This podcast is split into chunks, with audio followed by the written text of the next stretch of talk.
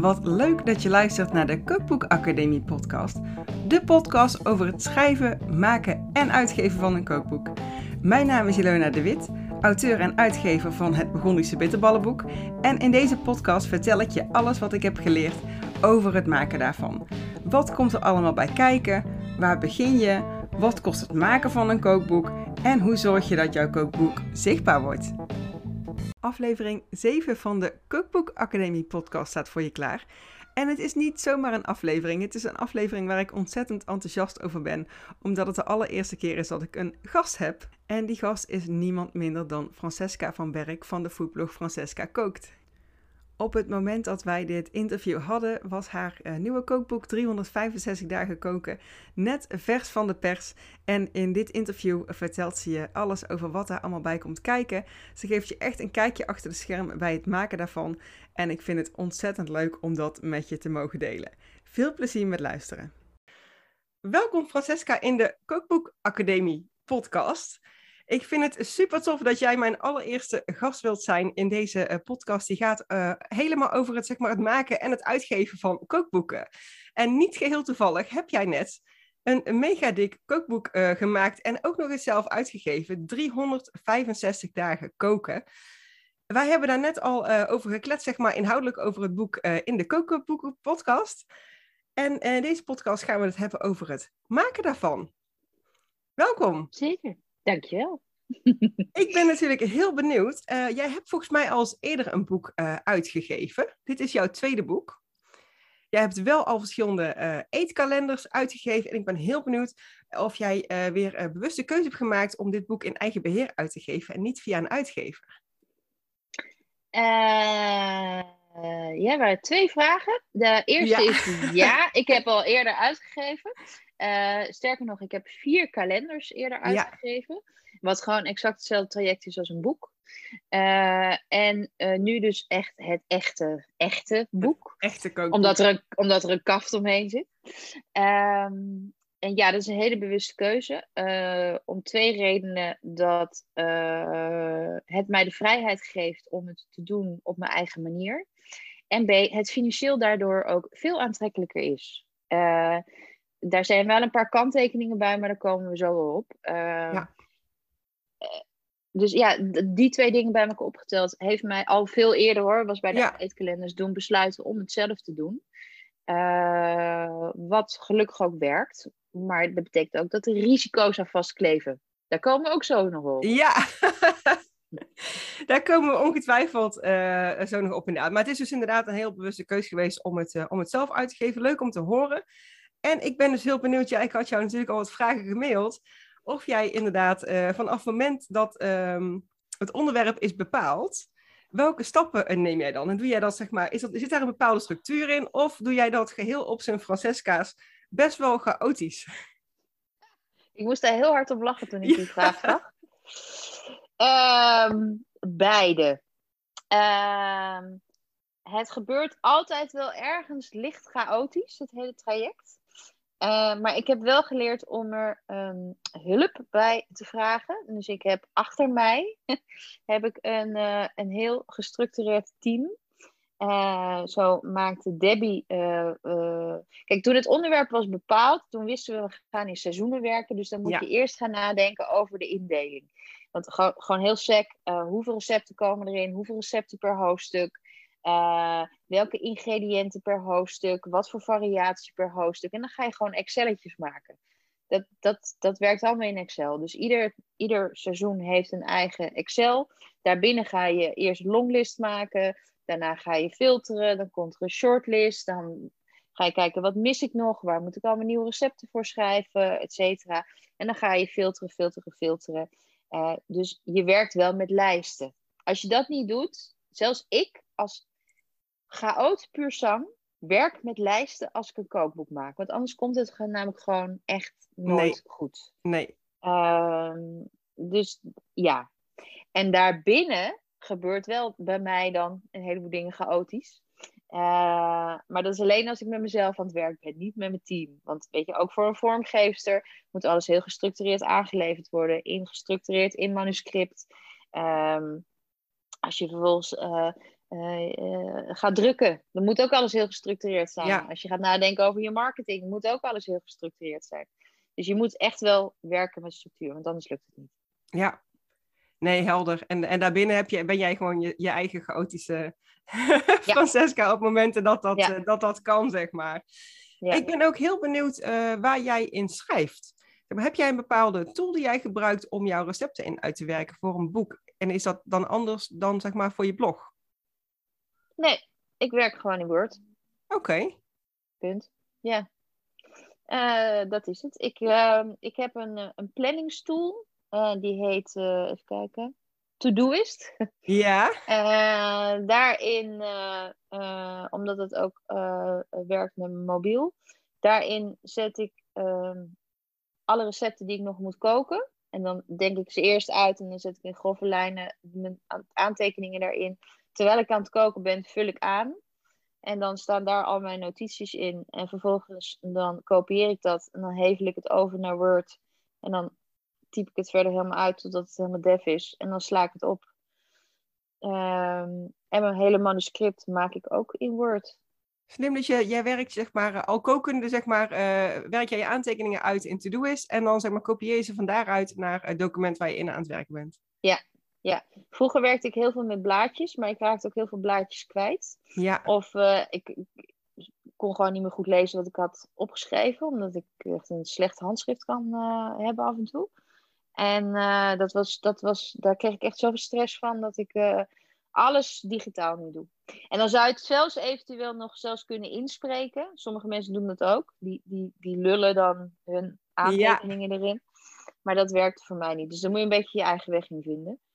Eh, maar alles, alles documenteer ik terwijl ik bezig ben. dus toch gestructureerd zie je wel. Ja. Ja, er zit toch structuur in. Ja. ja. Waar ik ook heel benieuwd naar was, ik heb volgens mij ergens gelezen eh, dat jij ongeveer tien maanden hebt gedaan over het maken van dit eh, kookboek. Is dat, is dat dan zeg maar vanaf het moment dat je daar echt mee begonnen bent? Of is dat, zeg maar, is dat toen ook echt pas het idee ontstaan, zeg maar, tien maanden geleden? Nee, het idee is al wel eerder ontstaan, maar we zijn ongeveer tien maanden geleden, dat was in december volgens mij. Volgens mij is het idee ontstaan in oktober en zijn we in november, december zijn we echt begonnen met de eerste stappen. Ja. Ja. En heb jij toen ook al bepaald van dat eh, de publicatiedatum is in september eh 2021? Of is dat gaandeweg, zeg maar, ontstaan? Nee, is gaandeweg ontstaan. En ehm, eh, omdat het zo'n groot project was, kon ik nog niet heel goed inschatten hoe lang ik met bepaalde zaken bezig zou zijn. Ik kon er niet eens inschatten hoe lang ik bezig zou zijn met een correctieronde van één hoofdstuk. Nou, geloof me, dat is heel lang. Eh, dus ik dacht, oké, dat eerst dacht ik nog voor de zomer. Ehm, en toen het ergens mei was, toen dacht ik, nee, eh, dat kan ik misschien wel voor elkaar krijgen, maar dan ben ik helemaal over de huppel. En dan ben ik dus ook in de zomer bezig met mijn Ja. boekpromotie, terwijl Ja. ik vakantie wil hebben met mijn, met mijn man en kinderen. Dus ik dacht, ik heef het lekker over de zomer heen. Maar ik zorgde wel, het, het is allemaal aangeleverd voor de zomer. In de zomer hebben ze de productie gedaan. En ik heb zelfs nog 2,5 week extra in de planning ingebouwd tussen drukwerk gereed en de lancering. Zodat ik de rust had eh, om te signeren, de laatste dingen voor te bereiden. Maar ook in, ingecalculeerd, er kan iets fout gaan. Weet je? Ja, Het kan opeens later geleverd worden. Er is, eh, nou, ik had geen last van de papiercrisis, want ik was op tijd. ja, Maar er kan altijd iets fout gaan. Dus als jij bedenkt van, nou, ik wil op 20 september lanceren en op 18 september wordt je drukwerk geleverd, dat, dat, dan weet je op voorhand dat er ergens shit gaat ontstaan. ja, en heel veel stress. En heel veel stress, ja. ja. Dus ehm, stressvrije periode moet je ook inplannen. Ja, ja, inderdaad. En ehm, ik was dus ook heel benieuwd, eh, hoe bepaal jij, zeg maar, hoeveel, want je geeft het in eigen beheer uit, hoeveel exemplaren je laat drukken? En Bepaal je dat aan de hand bijvoorbeeld van, van wat je al in de voorverkoop hebt verkocht? Of is het gewoon een beetje natte vingerwerk of eh, een inschatting? Ehm, nou, je begint met een inschatting. Je denkt van, ik denk zoveel. Ja, Ehm, maar dan ga je dus wel op basis van de voorverkoop bepalen wat de uiteindelijke oplage wordt. Of dat realistisch is, Uh, ja. Of dat realistisch is. Want wat ik ehm, in het begin al zei, van ehm, ik, heb, ik heb het onder andere gegeven in eigen beheerhoud omdat het financieel aantrekkelijker is. Maar dat betekent wel dat je wel je bedrijfsrisico's heel goed moet afdichten. En het grootste risico is je drukwerkkosten. Want dat is Ja. je grootste kostenpost ehm, over het algemeen van je eigen kookboek maken. Dus je moet van tevoren heel goed bedenken van als ik een voorverkoop doe. Het is natuurlijk prachtig mooi dat we dat kunnen. Want daarmee kunnen we als, Ja. eh, als eigen uitgeverijtje, zeg maar, kunnen we dus wel het eh, geld binnenhalen om uiteindelijk je drukwerk mee te betalen. Ja, Maar dan moet je dus wel van tevoren heel goed nadenken van oké, hoeveel moet ik er verkopen om eh, voldoende te hebben, naast wat je al gereserveerd Ja. hebt staan, om dat drukwerk te betalen. Ehm, dus dat is heel erg meeveren, meerekenen. Oh, zoveel zijn er verkocht. Oké, wat is het moment dat ik mijn definitieve order Ja. moet geven? En wordt het er dan 3000, 4000 of 5000? Ja. Ik noem maar wat. Ja, want, eh, ja, want inderdaad, op, je kunt zeg maar, je kunt al een soort van, eh, je kunt je kookboek al laten inplannen bij een, eh, bij een drukker. En dan komt er een bepaald moment waarop die zegt van nu moet ik weten hoeveel het er definitief gaan worden, want anders gaan ze er niet, niet op tijd zijn. Ja, en waar je tegenwoordig ook rekening mee moet houden, want dat is een heel nieuw fenomeen, de Ja. papiercrisis. Ja, Ehm, dat het papier moet nu echt heel vroeg besteld worden. ja, Ehm, wij zijn nu al, terwijl het nog helemaal niet in vraag is, maar wij zijn nu al aan het nadenken over een herdruk. En ik ga waarschijnlijk nu al papier inkopen voor de herdruk. Daar Ja. gebeurt nog helemaal niks mee, maar dat wordt opgeslagen bij de drukkerij. Omdat eh, waarschijnlijk als ik over twee maanden. Stel je voor dat het echt. ja. Ik hoop het, ik hoop het, maar dat Dat je voor kerst al bent uitverkocht. Ja, en als ik dan eh, in november ga zeggen, nou ga maar herdrukken, dan zeggen ze, nou mevrouw, eh, in maart krijgt u uw oplage. Ja. Ja, dat klopt. Ja, ik, ik, ben, ik ben dus ook op dit moment bezig met de herdruk van, eh, van het Begonnen Bitterballenboek. En ik heb dat ook al Ja. gekregen van ja, wil je dit jaar, wil je dit jaar nog laten drukken of volgend jaar? Want, eh, want die papierschaarste inderdaad eh, ja, kan, kan behoorlijk wat vertraging opleveren. Precies. Dus dat komt, er, dat komt er ook allemaal bij kijken bij het zelf uitgeven. En ik ben Ja. dus heel benieuwd, wat vind jij het lastigste of het vervelendste onderdeel bij het maken van een kookboek? Want het is natuurlijk heel erg leuk om aan zo'n eh, project te werken. Is ook, ik zie het ook echt zeg maar, als, een, als een soort van kindje wat je, wat je eigenlijk aan het maken bent. Maar ik weet dat, eh, dat het niet altijd eh roosgeur en maneschijn is, zo'n zo'n kookboek maken.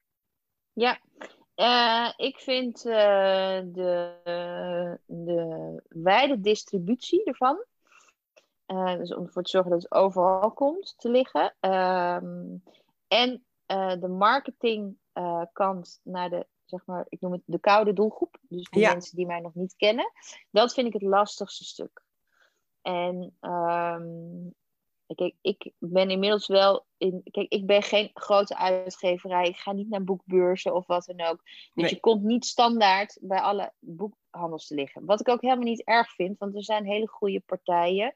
Eh, ik doe dat met boekengilden, jij doet dat met ABC. ABC-uitgevers. Ja. Ja, die eh, voor jou een, een schakel kunnen zijn tussen eh, eh, bol.com en de boekhandels en dergelijke. Dus dat, dat kun je best wel voor een deel goed uitbesteden, waardoor je die kopzorg niet hebt.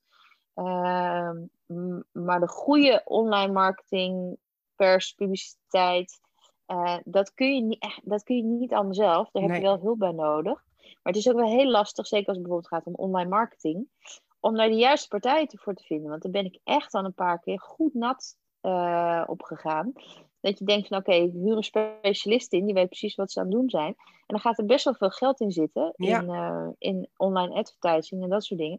Terwijl er echt mm, nou, heel weinig uitkomt. Dat je denkt, oké, eh, dit is zonde van mijn geld. Ja. En dat is dus, ja, als je je eigen boek uitgeeft, je kan maar één keer een euro uitgeven. Dus je moet heel goed nadenken en heel goed testen van tevoren.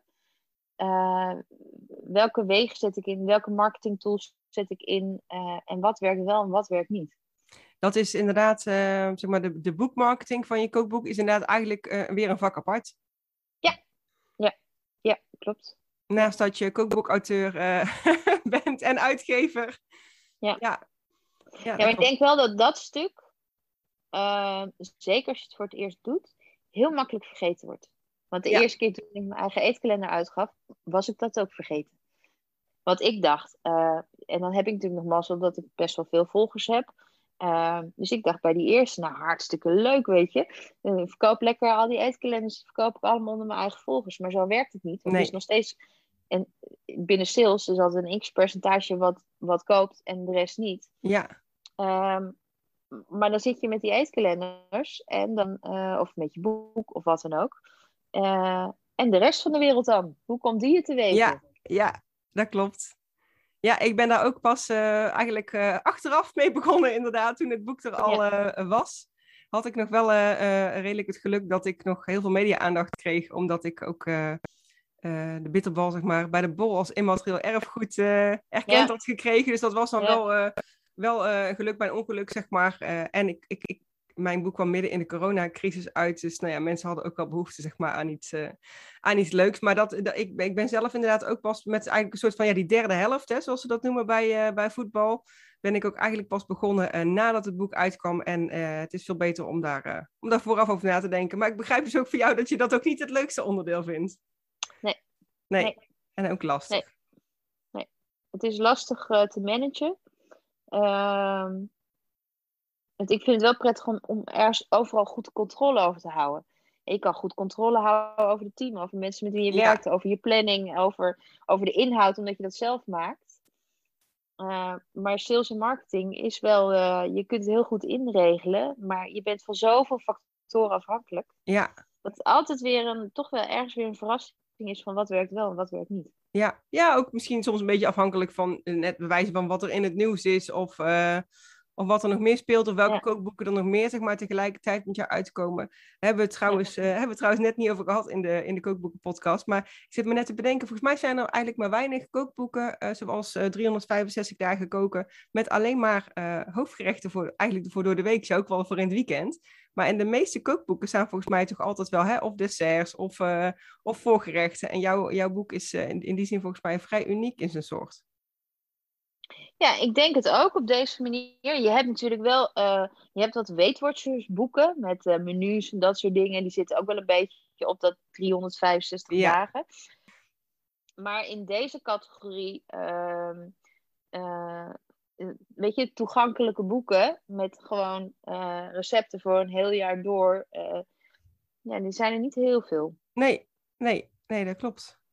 Nee, dus daar heb je een mooie, unieke, zeg maar, unieke, ja, een uniek boek mee te pakken eigenlijk. Ja, gewoon een heel eigen boek wat eh, heel dicht bij mij eh, past. Ja. En dan heb ik nog een laatste eh, vraag. Welke tip zou jij mee willen geven aan luisteraars van de Kookboek Academie podcast? Die dromen over een eigen kookboek. En dan heb ik het niet eens zozeer over een eigen kookboek en uitgeven in eigen beheer, maar gewoon überhaupt over, het, over, het, over een eigen kookboek. Ehm, Wat, wat, kun- Nou, wat, wat kun jij ze als tip meegeven? Nou, in eerste instantie is om een onderwerp of een thema eh, te bedenken wat echt heel dicht bij jou ligt. Weet je, watgene is waar jij dol enthousiast over wordt, wat, wat jij als geen ander kan overbrengen. Weet je, jij en je bitterballen bijvoorbeeld. Ja, dat is gewoon een gouden match. Ehm, want er zijn heel, heel, heel veel kookboeken te koop. Ja, Eh, en, en wil je opvallen, dan moet je je wel ergens in onderscheiden. Ik heb me onderscheiden door. Zeg je dat? Onderscheiden? of onderscheiden. Ja, Ja, geen idee. ik weet het eigenlijk Ehm, ook niet. Ik dacht, ik ga gewoon een, een, een monsterlijk vet kookboek maken. Dubbel dik met 365 hoofdgerechten. En dat is mijn USP, weet je. Dat Ja. is wat je gewoon in huis wil hebben. Dat je denkt, ah, dan heb, dan heb ik altijd inspiratie in huis. Ehm, en, en dat vind ik wel. Ieder kookboek wat zich onderscheidt in een, in een goed idee. Wat snaarstrak is uitgewerkt. Wat heel dicht past bij de auteur en heel natuurlijk aanvoelt. Ja, die scoren. Want er zijn echt meer dan genoeg kookboeken met eh, een heleboel dezelfde onderwerpen. Dat je denkt, ja, oké. Weer één.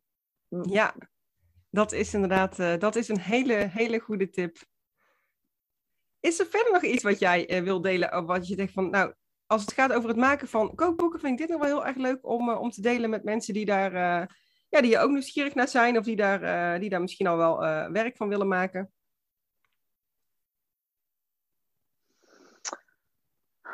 Ja, ik heb zoveel tips. Um, ja, wat ik een hele goede tip vind, is uh, je kunt niet alles zelf. Nee. Uh, Moet je ook niet willen. Een, een, kookboek maken, daar zitten zoveel aspecten in. Uh, dat je voor jezelf echt. Allereerst moet je weten waar je, wat je allemaal moet weten om het kookboek te maken. Ja. Maar dat is, nou, daar ga jij een hele mooie academie voor opzetten. Ja. Um, maar je moet, weet je, wat kan je zelf? Waar ben je goed in? Daar moet je in excelleren. Daar moet je al je tijd en energie in stoppen. En vervolgens moet je de mensen om je heen zoeken die de gaten kunnen invullen wat jij niet kan. Weet je, er zijn mensen die zijn dyslectisch. Zoek in hemelsnaam een, uh, een, een, een, iemand die goed is in teksten, die al jouw teksten goed gaat uh, herschrijven. Ja, een redacteur of een schrijver. Een redacteur of wat dan ook. Uh, als je niet kan fotograferen, dan moet je niet zelf de foto's maken. Um, weet je, en zo zijn er een heleboel dingen. Um, als je niet kan rekenen, dan moet je niet zelf de budgetten gaan bepalen. Dan moet je iemand erbij halen met financiële kennis die dat helemaal met jou gaat doorrekenen. Dus dat vind ik echt wel een heel, heel belangrijk aspect. Ja, dat is inderdaad, uh, ja, dat is, een dat is een hele goede tip. ja, er is, er is trouwens volgens mij één, uh, één kookboekauteur, een hele bekende, die, die volgens mij wel bijna alles zelf kan. Dat is Yvette van Boven. Maar die is, ja. ja die is begonnen, die, die was al zeg maar uh, volgens mij vormgever. Of, of nou, zij heeft daar een opleiding uh, toe gehad. En zij doet ook haar illustraties zelf inderdaad. En nou ja, het goed. En dan is ze ook nog eens getrouwd met, met een topfotograaf. Ja, met dus, oh, ja, ja. Ja, maar dat is natuurlijk even gauw mis. Maar dat is natuurlijk ook gewoon de, de Grand Dame ongeveer van Nederland, van de kookboeken. Ja, van de Nederlandse kookboeken, ja.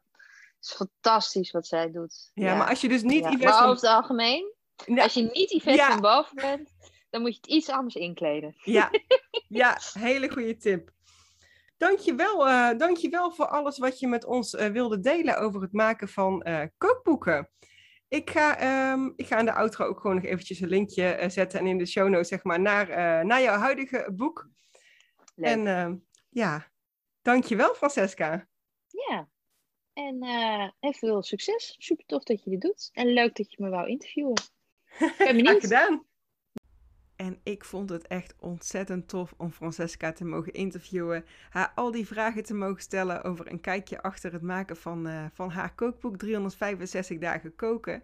Ben jij nou benieuwd geworden naar het boek, hoe het eindresultaat is geworden van al dat harde werk? Dan kun je hem bestellen in haar eigen webshop via shop.francescakookt.nl en uiteraard ook bij alle bekende grote boekwinkels. Ik zal er ook een linkje naartoe uh, plaatsen in de show notes. Dan kan je hem uh, direct via dat linkje uh, bestellen. En ben jij nou nieuwsgierig naar nog veel meer van Francesca? Volg haar dan op Instagram of neem eventjes een kijkje op haar foodblog francescakookt.nl. Dankjewel voor het luisteren en tot de volgende keer.